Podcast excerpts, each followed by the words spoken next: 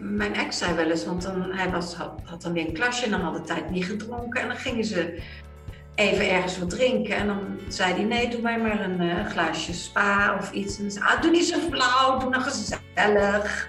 Precies. Dat bewustzijn, dat, dat mensen niet ook beseffen dat het voor sommige mensen, niet voor iedereen, een enorm probleem kan zijn, die drank.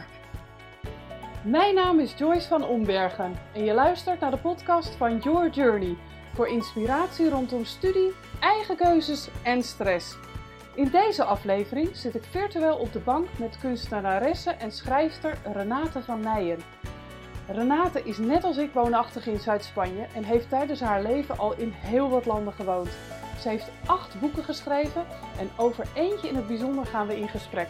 Dit boek, genaamd Cheers Breaking the Silence One Voice at a Time, gaat over hoe het is om samen te leven met een alcoholist.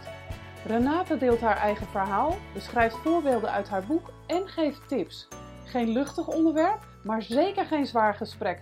Dus ik nodig je uit om met een open mind te luisteren en wie weet geeft het je inzichten die jou of iemand in je omgeving kunnen helpen. Ga er rustig voor zitten of luister hem onderweg en laat je inspireren door een bevlogen creatieveling met een talent voor het bespreekbaar maken van ingewikkelde thematiek. Veel luisterplezier! Goedemorgen Renate. Goedemorgen Joyce. Wat ontzettend leuk. Dankjewel om me uit te nodigen. Ja, ja wat ontzettend leuk dat ik met jou eh, in gesprek eh, mag gaan. Wij uh, kennen elkaar al een tijdje en uh, eigenlijk recent hebben we weer wat, wat meer contact. En zijn we eigenlijk tot de ontdekking gekomen dat wij heel graag in gesprek willen om jongeren te inspireren over een heel bijzonder onderwerp. Dus luisteraars, Renate, van, ja, Renate van Nijen, kunstenaresse al 35 jaar, maar ook schrijfster en nog veel meer. Er komt straks vast nog meer voorbij. Renate, welkom in de uitzending en uh, ja, dankjewel. Ja. Ja, dankjewel aan jou. Erg leuk dat we dit kunnen doen. Ook erg leuk om je te zien, maar heel erg bijzonder om hierover te kunnen praten. Het onderwerp waar we het over gaan hebben, voornamelijk. Ja, ja nou, misschien uh, kun jij hem uh, aftrappen. Waar gaan we het vandaag over hebben? Want dat is uh, niet een hele... Ja, nou, ik, ik ben al, dus al 35 jaar een kunstenares. Maar ik heb inmiddels ook acht boeken geschreven. Maar de, ik woon in Spanje. Misschien is dat handig om dat ook even te vermelden. Ja. En het, het schrijven is gerelateerd aan dit boek. Want toen ik 40 was en ik was al heel erg uh, onafhankelijk. Ik uh, had in vrij veel andere landen gewoond. En uh, ik ging naar Engeland om te schrijven, om een boekje te schrijven, mijn eerste boek. Dat was mijn bedoeling. Dus ik ging een weekje weg. En ik kwam daar een meneer tegen. En ik vond die meneer wel aantrekkelijk. En al vrij in het begin van de relatie vertelde hij me dat hij een alcoholprobleem had. Dat hij een alcoholist was. En dan had ik daar verder helemaal niks mee. Ik kom ook niet uit zo'n uh, kring. Soms zie je dat mensen steeds weer voor een soort gelijke partner kiezen. Dat was bij mij niet het geval. En uh, ik dacht, ja, nou ja, ik ben een sterke vrouw. Ik ga hem redden. Ik ga hem redden. Want dat was een hele leuke man, bijzonder intelligent. Hij was een leraar, Engelse leraar. Mm. En hij, uh, ja, we, we, kregen een relatie. Hij kwam vrij snel. Ik ging eerst een maand naar Engeland en daar maakte ik al mee wat dat betekent om met een alcoholist samen te wonen. Maar ik heb hem toen toch, ja, we hebben besloten om in Nederland te gaan samenwonen. Daar hebben we vier jaar samen gewoond en dat was een ontzettende rollercoaster van emoties. Ik, ik kwam mezelf heel erg tegen. Ik heb er heel erg van geleerd, want ik heb ook geleerd dat je iemand niet kan redden, dat je alleen jezelf kunt redden. En dat de focus op mij moest worden gericht. Wat me niet echt lukte. Want je, je, je geeft om iemand en dan kom je heel veel ja, pijn tegen. Mijn, uh, mijn ex was een, wat ze noemen een binge drinking functioning alcoholic. En dat betekent dat hij gewoon een, een baan had, een goede baan. Uh, en ook toen hij naar Nederland kwam, hij kreeg heel makkelijk werk, want hij had een fantastische cv als leraar. En hij werd uitgenodigd, hij gaf les aan banken, aan het, aan, aan het, was het het From? Ik weet niet meer, maar hoge instituten, omdat hij zo goed was. En iedere keer, dat waren intensieve cursussen. En dan na een week kreeg hij een fles whisky mee als bedankje. En dan ging, zat ik weer met de gebakken peren zo. Want hij dronk altijd als hij vrij was of als in het weekend. En soms ging het wel door, ook door de week. En ik maakte ook excuses voor hem, voor mensen. Als ze dan opbelden van waar, waar is... Uh, waar is die? hij heeft een afspraak, hij heeft een leerling. Ja, oh, sorry, hij is ziek, hij ligt in bed. Nou ja, vreselijk. Maar ik besloot toch met hem om naar Spanje te vertrekken in 2003. En uh, toen ging het ietsje beter. Hij vond daar een baan en uh, ik ben kunstenaar, maar met kunst is niet zo makkelijk om dan weer in een nieuw circuit te komen. In Nederland mhm. zat ik in het uh, Gallery Circuit en ik heb overal geëxposeerd, zelfs in, in groepsexposities in Parijs en in, in Rome. Maar in Spanje was dat lastiger. En ik begon dus ook uh, les te geven Engels, want mijn Engels was inmiddels ook door hem goed. En behoorlijk goed in de school heeft me een baantje gegeven. En het leven werd wel anders. En toen verhuisde we op een gegeven moment, na een jaar later, naar uh, het zuiden van Spanje, waar ik uh, een baantje had gevonden als vertaler van, Engels, van Nederlands naar Engels. En hij werd proeflezer. Dus we gingen ook samenwerken. Mm uh, en op zich was dat prima. We gingen op een gegeven moment voor onszelf werken. En een lang verhaal kort te, maken, zes jaar later stond hij op een gegeven moment boven me met een hete kop thee. Hij zegt, ik wil dit over je heen gooien. Maar dat doe ik niet, want dan word jij een slachtoffer. En dat was voor mij een ommekeer voor twee dingen. Ik ben weer gaan schrijven, wat heel erg hielp. Ik schilderde altijd al, wat voor mij heel goed was om, om uh, ja, problemen te verwerken. Um, maar ik dacht ook, ik moet bij deze man weg. Dit, dit, dit kan niet. Dit, dit wordt nu gevaarlijk. Want hij was uh, uh, verbaal, hoe zeg ik nou, abusive. Hij deed verbale mishandeling. Ja. En heel, heel keen. Maar hij had heel veel momenten dat hij niet dronk. En dan was het een fantastische man. Hele leuke humor. Super intelligent. Kon heel goed praten overal. Dus het was heel erg lastig.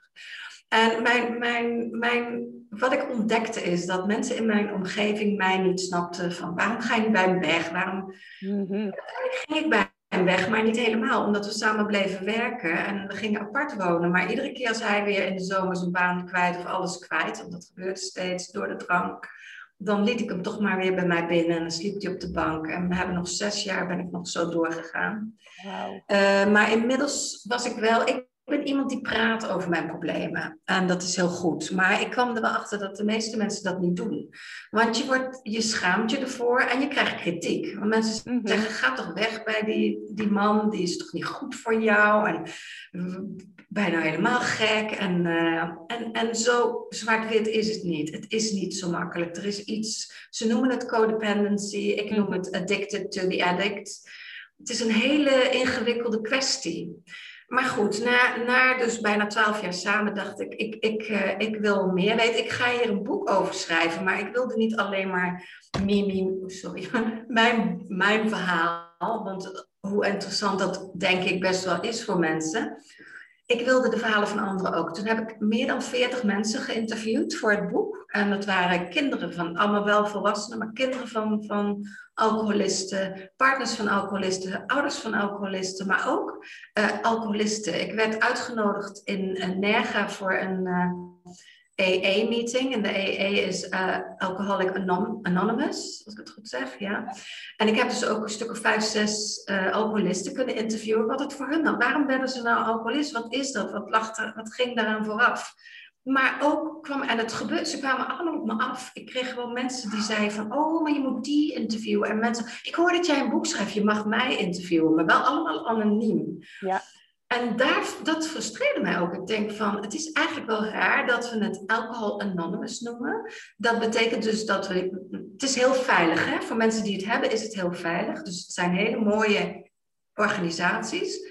Maar ik dacht, wat raar, dat we, dat, wij moeten, dat we ons moeten schamen dat wij een probleem hebben. En het is een probleem en ik geloof dat het een soort ziekte is, dat er een trauma aan vooraf gaat, maar dat is een heel lang verhaal. Maar wat ik ontdekte toen ik mijn, de mensen interviewde, dat er een hele, een, een vrij, uh, ja, wat ik nu symptomen noem. Wat alcoholisten heel erg doen, is bijvoorbeeld um, projecteren. En dan zeggen ze van, oh, jij bent een nietsnut, jij kan niets, het is allemaal jouw schuld. en, dan, mhm. en als je dat maar lang genoeg hoort, dan, dan, dan komt dat wel in. En ik heb het nu nog niet eens over alcoholisten die ook fysiek uh, ja, gewelddadig zijn. Uh, maar dat, dat is echt een symptoom van alcoholisten. Maar het is natuurlijk projectie, want dat vinden ze diep van binnen van zichzelf. Wat, ook, wat mij ook opviel, dat alcoholisme, wat ik eigenlijk wel wist, doordat mijn ex ook gewoon een hele intelligente man die gewoon een baan had. En dit, dit komt voor in alle lagen van de bevolking. Dus het is niet, niet zo dat alleen maar mensen die aan de kant van de straat liggen. En uh, ik heb, het, het, boek is dus de verhalen van al deze mensen. En ik heb de meeste verhalen zijn in ik-vorm. Uh, en het is een verhalenbundel, waardoor het makkelijk wegleest. Maar wat er dus gebeurde, was dat mensen zich daarin herkenden. En het werd, ze werd een, er werd ze een spiegel voorgehouden. En grappig genoeg, mijn ex was de beste proeflezer Engels. Echt, zelfs als hij helemaal dronken was, was die, want ik heb daarna nog vertaling gedaan met andere proeflezers. Het was nooit perfect. En met hem, hij was geweldig. Ja. En hij heeft het boek proef gelezen en is, is toen gestopt. Hij is gestopt met drinken. Dat meen je. Ja, en uh, nou, ik heb dat boek niet geschreven voor alcoholisten, maar wat er gebeurde, alcoholisten zijn ook, ze zijn alleen maar met zichzelf bezig. En, en hij, met name wat ik van hem weet, hij zei ook wel eens van, ja, ik, ik, het, ik snap niet wat het is. Zijn het mijn genen? Nou, dat geloof ik niet, want mijn eh, mijn vader, hij is weggelopen toen hij jong was, maar die was, waar dacht hij, een alcoholist. Maar zijn moeder was geen alcoholist. Hij had een halfbroer, die was, had een andere vader, die was wel alcoholist. Hij had een zuster, die had dezelfde vader, die was geen alcoholist. Dus zijn conclusie was, het zit niet in de genen. Wat is het dan? Is het een... En hij kwam dus tot de conclusie, want mensen zeggen soms, ja, het is wilskracht. Hij zegt, nou, ik kan je verzekeren, dat is het niet. Er is, er is iets anders, maar ik kan er niet bij komen. Ik weet niet wat het is. En hij schreef bijvoorbeeld, sommige mensen zeggen, het gaat over geluk. En hij zei dan, ik, ik kan je echt verzekeren dat als ik op het strand zit met twaalf blikjes, lege blikjes bier, dat, dat, dat ik niet gelukkig ben. dat staat niet op mijn lijstje. Maar ik vind dat het ook geen excuus is, want hm. ze mishandelen wel en ze maken het leven van anderen heel erg moeilijk. En er zijn statistieken die ik dus allemaal heb gehoord door mijn interviews, dat drie in de vijf mensen, en dat is een heel hoog aantal, die komen in hun leven in aanraking met uh, de gevolgen van alcoholabuse, dus alcoholmisbruik. Uh, en dat kan zijn door een ongeluk, iemand die met alcohol rijdt, maar de, meeste, maar de meeste, en dit, ik hoor dit ook altijd als ik men, er met mensen over praat, Ehm, en dat doe ik veel, want ik heb er een passie voor, dit onderwerp.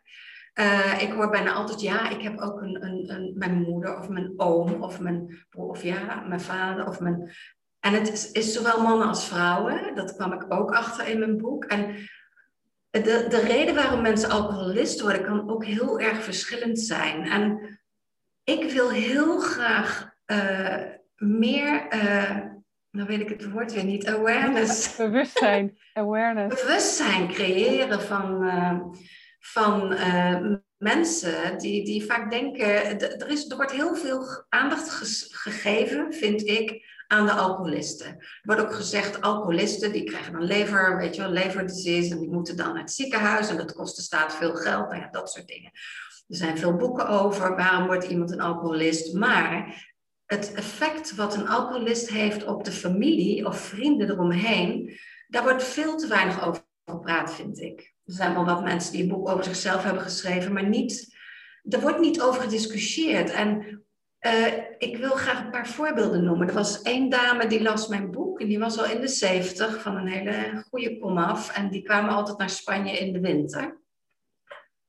En ze kwam naar mijn uh, kunstschilderles. Ik gaf schilderles. En toen zei ze, ze had mijn boek gekost. Ze, zei, ze was helemaal emotioneel. En uh, zei, oh Renate, ik ben zo geraakt door jouw boek. En ik zei, goh, goh, zit je in die situatie? Toen zegt ze, ja.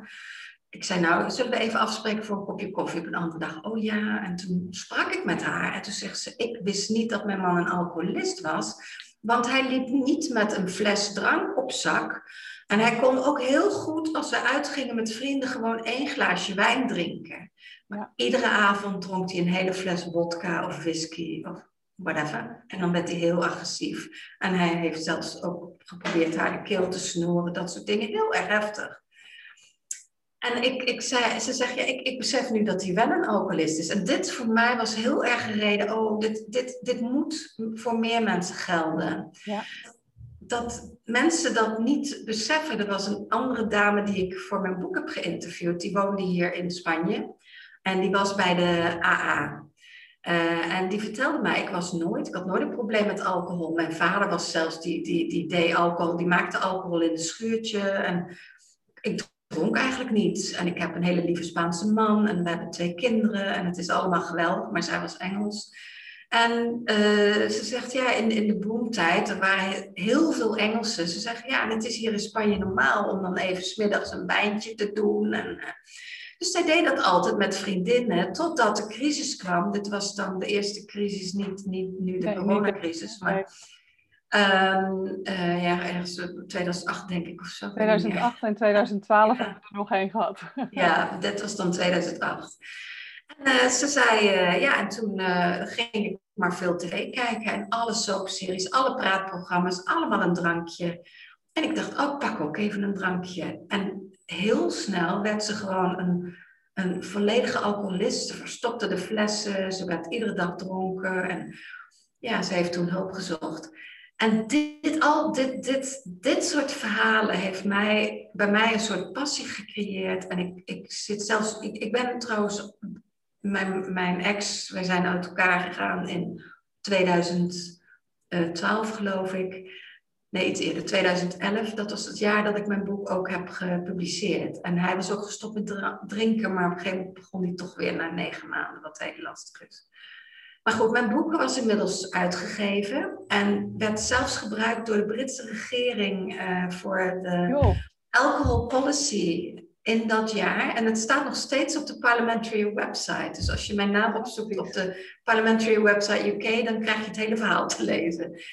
En, uh, maar wat gebeurde er toen? Ik dacht, nou, fantastisch. Ik heb een link mijn boek is gebruikt door de, door de Britse regering. Hoe fantastisch is dat? Ik ben Nederlands, ik woon in Spanje. Nou, dit, dit, dit, is, dit, dit, dit, is het. Hè? Dat is mijn stap naar, de, naar dat mensen mijn boek kunnen lezen en daar hopelijk wat aan hebben. En uh, ik schreef dus allerlei bladen aan en alle kranten in Nederland. Het was, ik richtte me vooral op Nederland en dan hier in de omgeving. Ik kreeg één reactie van een, Nederlands blad, uh, gezondheidsblad. En ik werd geïnterviewd. En dat het was een jonge vrouw, vroeg alleen maar, oh, wat voor kleur ogen had hij dan? En waarom werd je op hem verliefd? En ik zei, ja, dat heeft niks met mijn boek te maken. Ik wil graag over mijn boek praten. Het artikel wat ze schreef was zo, ja, vind ik onzinnig. Het ging gewoon waarom ik als een zelfstandige vrouw verliefd was geworden op een alcoholist. Maar dat is niet interessant. Wat interessant is, is waarom er zoveel mensen in die situatie zitten. Ja, en, die, en die, dat niet, die er niet uitkomen. En die heel vaak denken, het is mijn, mijn schuld. Want als ik nou maar niks had gezegd, dan was hij of zij misschien niet gaan drinken. En die mensen wilde ik zo graag bereiken. En het was super frustrerend. En alleen hier in, in, in, in Spanje, Zuid-Spanje, één, één blad, de Olive Press, die schreven... Uh, Dutch expats helps create the British policy on alcohol. Dus dat was eigenlijk wel heel bijzonder, maar het is een klein blaadje hier in Mergen. Ja, het is een lokaal krantje inderdaad. Ja. Hey, en, uh, en ik, ik, ja, sorry. Nee, ik laat me doorgaan. Nou, dat geeft helemaal niet. Maar ik, ik, daar komt een vraag op. Um, um, en heel belangrijk ook, want van jongeren wordt vaak uh, ja, toch wel gedacht dat ze uh, ja, misschien nog niet met dit soort onderwerpen bezig zijn. Jij geeft nu aan van een jonge dame interviewde jou en het werd toch een soort van oppervlakkig onderwerp of artikel. En mijn ervaring, en jouw inmiddels ook, is dat jongeren juist heel erg bewust uh, met dingen bezig zijn. En natuurlijk niet allemaal, maar steeds meer. En er is een kentering gaande. Jongeren zijn veel meer met hun gezondheid bezig, met uh, gezonde voeding, met sporten, uh, wel of geen alcohol. Dus hoe, hoe kijk jij daar nu naar? Want jij hebt natuurlijk nu zoveel jaar daar ervaring mee over geschreven. Je hebt zelfs kinderen van, die wel, waren inmiddels wel volwassen, maar van alcoholisten geïnterviewd. Wat zie jij nu bij de jeugd rondom dit, dit onderwerp? Staan ze ervoor open om daarover in gesprek te gaan. Ja, wat zie jij daar? Nou, die, die indruk heb ik eigenlijk wel en, en ik hoop het ook. Ik ben nog niet eh, zo heel erg diep daarin gedoken, maar vrij recent kwam ik daar eigenlijk uh, door, door, door jullie achter. Dat daar wel degelijk, uh, en, en ik had al wel wat gelezen hoor. Ik, de, de, de, er zijn wel statistieken dat de alcoholgebruik bij jongeren aan dalen is en niet juist erger wordt. En in sommige landen is dat zelfs heel erg sterk. En uh, er was met name een jongen die vertelde dat uh, waar hij woonde, het, het, heel veel van de oudere generatie alcoholproblemen hadden. En dat dat maakte dat heel veel jongeren helemaal niet dronken, helemaal niet aan de alcohol begonnen. En uh, ik, ik, denk ook dat dat zeker zo is. En ik vind dat super fijn. Ik, dat doet me echt deugd, moet ik zeggen. En het is nog wel, er is een, een, een, het blijft natuurlijk een beetje een, een strijd. Hè? Want de, de alcoholindustrie die richt zich wel op de jongeren. Want als je kijkt naar de reclame, allemaal happy dancing en oeh, lekker drinken en gezellig en we zijn allemaal gezond. En alcohol is natuurlijk gewoon, hoe je het ook bent of verkeerd, het is een vergif. Als het nu zou worden uitgevonden, zou het een drugs, een verboden drugs zijn, waarschijnlijk op dezelfde level als misschien marihuana of misschien nog wel. Het is eigenlijk, denk ik, erger. Ja. Nou wil ik er wel bij zeggen, ik, ik ben niet tegen alcohol en ik drink best af en toe een glaasje wijn. Maar ik ben wel tegen de reclame en ik vind het ook absurd dat bijvoorbeeld bij sportevenementen reclame wordt gemaakt voor drankjes zoals alcohol. En, en bijvoorbeeld, ja, vrij recent hebben we misschien allemaal gezien Coca-Cola, de Ronaldo. Uh, ja, dat het, uh, het flesje wegschuift. Ja. Het is natuurlijk absurd. We leven in een hele bizarre maatschappij waar dat gewoon allemaal maar normaal wordt gevonden. Maar ik denk ook, en dit gaat misschien wel een stapje verder, uh, dat we allemaal wel een soort verslavings. Ik wil het geen gen noemen, maar we hebben allemaal wel die neiging. Uh, het zit wel een beetje in ons als mensen. En of je nou verslaafd bent aan je telefoon, of als die gaat gelijk kijken, of je. Dus we, we hebben allemaal, of is het misschien eten, je eet te veel of je eet ongezond, eh, of sport, of, ja. of nou, je seks kunt verslaafd. Ja, precies, seks. Je kunt allerlei, allerlei, allerlei zijn aan sporten, inderdaad. Ja, ja, en, En, en of het een gen is of een stofje, hè, de, volgens mij is het de dopamine hè, wat je aanmaakt, waar je door eigenlijk meer, meer, meer wil. En ja, dan alles waar te voor staat is niet goed. En ja, als jij voor jezelf weet hoe het zit. Maar daar ben ik wel benieuwd naar dan ook, Renate. Hoe, hoe um, ja, stel dat er nu een luisteraar is, een jonge luisteraar die denkt, oh my god, dit herken ik. Want ik, mijn vader of moeder, uh, nou ja, is dan wellicht alcoholist. Of ik drink misschien eigenlijk uh, net te veel. Of dat binge drinking. Hè? En dan uh, toch functioning. Dus uh, met andere woorden, ja. af en toe verschrikkelijk dronken worden, maar wel kunnen functioneren. Misschien herken ik dat wel. Zou jij adviezen hebben voor, voor deze jongeren? Wat, wat zou een eerste stap kunnen zijn om tot die, ja, dat zelfinzicht of dat bewustzijn te komen? Ja, nou, dat klinkt een beetje misschien uh, hoe noem je dat nou, een reclame maken voor mijn boek. Maar het zou helpen mm. als je zoiets leest. Het zou heel erg helpen als jij hoort wat de ervaring is van andere mensen. Want je leert vaak door wat andere mensen doen. En dan kun je dan negatief of positief van leren. Uh, er zijn, uh, kijk, als mensen al eenmaal heel erg verslaafd zijn, dan, ja, ik, ik zelf vind iemand die daar heel erg goed in is, die daar heel erg oké over praat, is uh, Russell Brand, een Engelse uh, podcast. en kun je van alles over vinden online. En ik vind hem heel erg goed daarin. Uh, maar wat ik al zeg, de, de, de, de aandacht voor mensen die leven met een alcoholist, dat is niet zo, niet, zo zichtbaar. En er is bijvoorbeeld wel van de AA heb je ook een Al-Anon. En dat is voor partners en kinderen. Al-Atleen heb je bijvoorbeeld, dat is voor kinderen van alcoholisten als je echt in een situatie zit waar je ouders, een van je ouders zwaar alcoholist is en, uh, en jij daar last van hebt, uh, op wat voor manier dan ook, of wilt weten hoe je daarmee om kan gaan, dan is het echt aan te raden om naar zo'n organisatie te stappen. En Alet Leen is daar perfect voor, vind ik. Mooi. Dus maar inderdaad. Wat? Is dat? Alet Leen. Ja, dat, dat als je, dat, het is een, een afdeling van de Al-Anon. Al-Anon is dus voor partners van, uh, van alcoholisten. En Alatleen is voor de, de kinderen van uh, alcoholisten. Heel goed. En dat, dat is ook heel erg uh, ja, goed. Maar het is, het, het, is een beetje een stukje bewustzijn. En ik denk op het moment dat je nu naar deze podcast luistert, wat ik heel erg ook wil mensen bewust van willen laten maken, is die, dat, dat bizarre feit dat het wordt verkocht als iets uh, onschuldigs. En we weten dat het niet onschuldig is. Want een van de alcoholisten die ik interviewde, die zei: uh, iedere alcoholist die maakt het leven van zes mensen zwaar of onmogelijk. Dus dat is heel veel. En wat ze vaak in de media doen voorkomen is van uh, alcoholisten is een klein percentage. En een heleboel mensen denken dus, nou, dat zijn mensen die, die op straat liggen of die, die geen huis meer hebben, die dakloos zijn. Maar dat is helemaal niet waar. En het, de, de, het, het probleem om mensen hier bewust van te maken is ook dat de media daar geen aandacht aan geeft. Waarom niet? Omdat de meeste mensen drinken en het wel gezellig vinden en niet goed snappen hoe moeilijk dit is voor andere mensen. En, en mijn ex zei wel eens, want dan, hij was, had, had dan weer een klasje en dan had de tijd niet gedronken. En dan gingen ze even ergens wat drinken. En dan zei hij, nee, doe mij maar een uh, glaasje spa of iets. En dan zei ah, doe niet zo flauw, doe nog gezellig. Precies. Dat bewustzijn, dat, dat mensen niet ook beseffen dat het voor sommige mensen, niet voor iedereen, een enorm probleem kan zijn, die drank. En of dat nu is omdat ze een ouder hebben die hier last van hebben en dat het allerlei akelige herinneringen opbrengt, naar boven brengt. Of dat het, uh, of dat het gewoon, het is, hoe je het ook bent of keert, het kan een zware verslaving worden.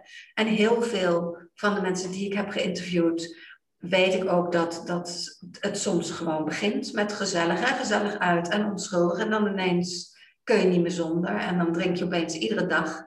Er was een, een, een vader van, van, van kinderen die ging altijd naar de voetbalwedstrijd en het was altijd drinken na de voetbalwedstrijd. Ja. En het werd steeds erger. En op een gegeven moment was hij gewoon een volledige alcoholist. Ja.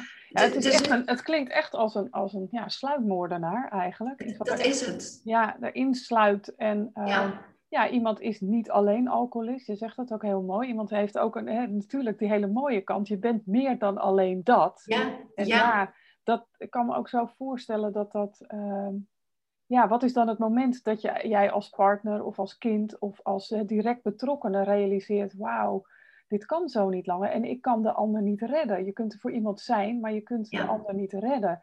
En ja, dat zie je natuurlijk best veel gebeuren. Dat mensen toch ja, langer erin in blijven hangen in een relatie of ja, hun best blijven doen. Als ik maar beter mijn best doe, dan ja. gaat het wel beter. Ja, en dat is nooit het geval. Nee. En, ze, en ze, ze hebben het ook over rock bottom. Dat je dus, dat, ik weet niet of daar een Nederlandse uitdrukking voor is, maar dat betekent dus dat je echt helemaal alles verliest, alles kwijt. Je kunt niet meer. En dan gaan heel veel mensen hulp zoeken. Maar ik ga zover om te zeggen dat ook mensen die leven met een alcoholist hun rock bottom moeten bereiken. Mijn eerste rock bottom was dat ik die kop thee bijna over me heen kreeg. Uh, dat was voor mij heel duidelijk van oké, dit, dit kan niet verder. Uh, en ik heb op een gegeven moment een ultimatum gegeven en gezegd, je bent welkom als je toen waren we al geen partners meer, maar hij sliep op mijn bank. En ik zei, als je drinkt, ben je niet welkom. Als je niet drinkt, uh, ben je welkom. En toen heeft hij een maand op het strand gewoond. Hij was heel boos. Ik kwam hem ook steeds tegen en dan zei hij dingen. Je, je, je trapt je hond niet op straat, maar een man wel. En, uh, het, en het raakt je wel, want je voelt je verschrikkelijk schuldig, maar hij heeft daarna wel hulp gezocht. Hij is naar de AA gegaan. En dat wilde hij nooit, want hij dacht altijd, ik kan het wel zonder. Ik kan het alleen, ik ben toch intelligent. En dat zei hij ook, ik ben toch intelligent. Dat moet ik toch alleen kunnen. Maar nou, ik durf wel te zeggen, 99 van de 100 keer lukt dat niet. Mensen hebben hulp nodig.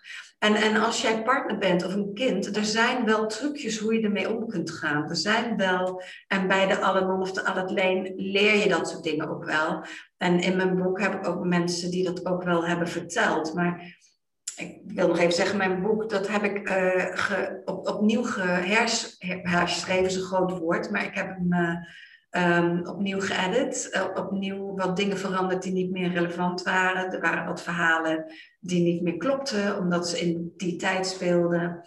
en ik heb dus opnieuw uitgegeven en vandaar dat ik ook zelf weer, ik heb weer hernieuwd die, die ja, ik heb eigenlijk die passie nooit, ik ben die passie nooit verloren. Want als ik iemand zie op straat die dus, een, oh, mijn, mijn hart bloedt echt, mijn hart bloedt. En als ik mensen helemaal dronken zie en dat, dat dan bloedt mijn hart ook. Want ik denk, je, je dit is een hele slippery slope. En er zijn, ik zie ook hier mensen op straat en dan, mensen die bijvoorbeeld overal eczeem hebben. Dat is vaak een teken van alcohol, te veel alcohol in je bloed. En, en, en ik, ja, ik ben, er, ik, ben er, ik ben er passievol over. Want ik wil heel graag dat er meer begrip komt. En dat mensen, en als jongeren dat al zien en als jongeren dat door kunnen geven en daar meer bewust van zijn. En ja, ik persoonlijk vind dat alcohol moet net zo goed als rookreclame van de, van de televisie af en van de sport. Dat is, dat is niet te combineren. nee, dat gaat niet samen inderdaad. Nee. En uh, nee, wat je zegt, dat je hoeft niet heel erg anti te zijn, maar nee. als, je, als, je, weet van jezelf en ja, als je heel jong bent, dan is dat natuurlijk nog wel een weg van hè, hoe gevoelig ben ik daarvoor, hoe ontvankelijk ben ik daarvoor. Ja. En dan probeer je ja. misschien eens een drankje of misschien probeert misschien eens een, een pilletje op een festival.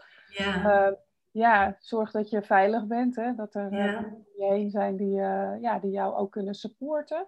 Uh, Ja. en, en vraag inderdaad hulp. En een huisarts is natuurlijk ook een go-to person. Ja. Maar het kan ook iemand op school zijn, denk ik. Uh, ik weet dat, uh, ja, dat er vertrouwenspersonen op school zijn, decanen, ehm, uh, zorgcoördinatoren. En uh, Mhm. ja, luister je nu, denk je, ja, die gaan oordelen en ik word van school gestuurd. Nee, dat is niet het geval. Nee. Jij wordt gewoon als, als mens uh, aangehoord en dat is in vertrouwen. Dus nou, verder is het platform jongerenhulponline.nl is een hele mooie. Die noem ik wel eens vaker in de podcast. Daarin, daarin zijn echt alle soorten hulpverlening samengebracht. Mm. Dus anoniem kunnen jongeren daarin vragen. Dus dan worden naar de juiste kanalen gestuurd. Um, dus ja, mocht je luisteren en denken, oh wauw, hier wil ik echt even over verder praten. Of dit doet van alles met me en ik weet niet zo goed wat ik daar mee aan moet. Zoek hulp en uh, ja, vind je het ingewikkeld, je mag altijd natuurlijk ook een, een mailtje naar, naar ons sturen. info at heb ik die ook maar even genoemd. En dan sturen wij wel weer verder.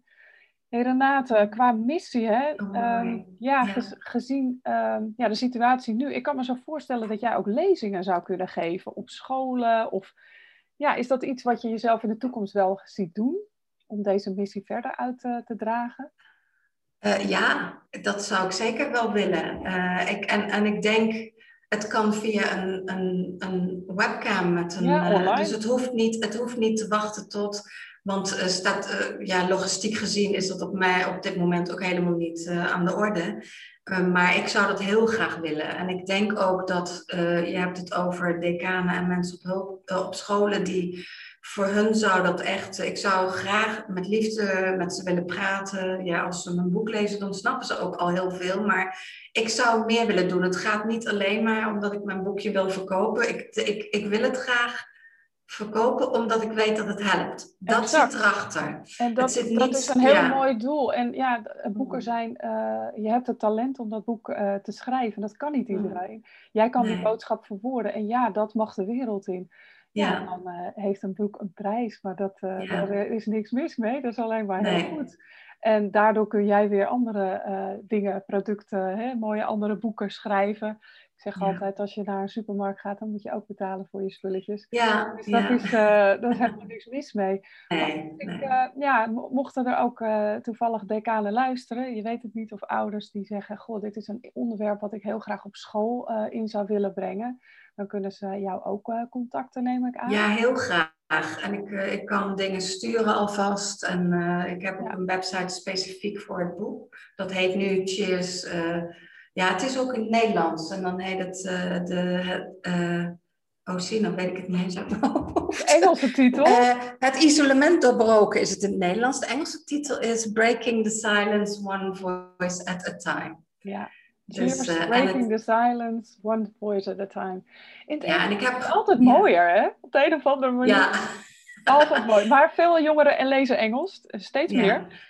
Ja. Ja, en, het, en het, het woord cheers is ook eh, heel bewust gekozen, want het wordt in, in Engeland eh, gebruikt om te proosten, maar het betekent ook dankjewel. Ja. En het, eh, het, het, ze gebruiken het ook, ook cheers mee. Het, het, het, het, heeft een veel ja. dieper, dieper gevoel in Engelse taal. En uh, ik vond het wel een toepasselijke titel zeker, voor, voor het zeker. boek. Ja. ja. het is een catchy uh, titel. En uh, ja. Ja. belangrijk inderdaad. Dat, ik, en ik hoop echt dat heel veel mensen het boek gaan lezen. Ja. ik ga het ook zeker lezen. Ik ga het bestellen bij je. Want ik wil hier ook meer over weten. Dan ja, wil ik jou bedanken voor dit mooie gesprek, Renate. En voor de mooie missie die je leeft. Ga er vooral mee voort. En ja, ik draag het een warm hart toe. Dus ik hoop echt dat dit mensen gaat bereiken. Heel erg. Ja, dankjewel Joyce. Heel erg fijn dat ik hierover mocht praten. Want uh, ja, het is inderdaad toch een... Het is niet meer aan de orde in mijn leven gelukkig, maar uh, het is een onderwerp wat aandacht verdient, vind ik. En dankjewel dat je me deze kans geeft. Het is ja, gewoon graag gedaan. Ja, dankjewel. Graag gedaan. Hiermee kom ik aan het eind van deze aflevering. Heb je een vraag? Je vindt me op Instagram via yourjourney.a. Ik vind het leuk om daar met je te connecten en jouw vragen te beantwoorden. Renate vind je op Instagram via Renards World. En dat schrijf je als volgt: R-E-N-A-R-T-S World. En je vindt haar via haar eigen website op renatevannijen.com. En Nijen is dan met een lange ei. Je kunt haar natuurlijk een berichtje sturen. Kun je wel wat hulp gebruiken bij het maken van keuzes rondom studie, werk of tussenjaar? Of wil je leren dealen met stress in plaats van er tegen te vechten? Ga dan naar yourjourney.academy en download mijn gratis videoserie op 30 tips tegen stress. Wil je geen aflevering meer missen? Abonneer dan op deze podcast. En ken je iemand voor wie deze aflevering interessant is? Deel hem dan via je socials. jouw eerlijke review ontvang ik graag via Apple Podcast. Hiermee wordt de podcast namelijk beter vindbaar en help je mij om nog meer jongeren te bereiken. Bedankt voor het luisteren en tot de volgende keer.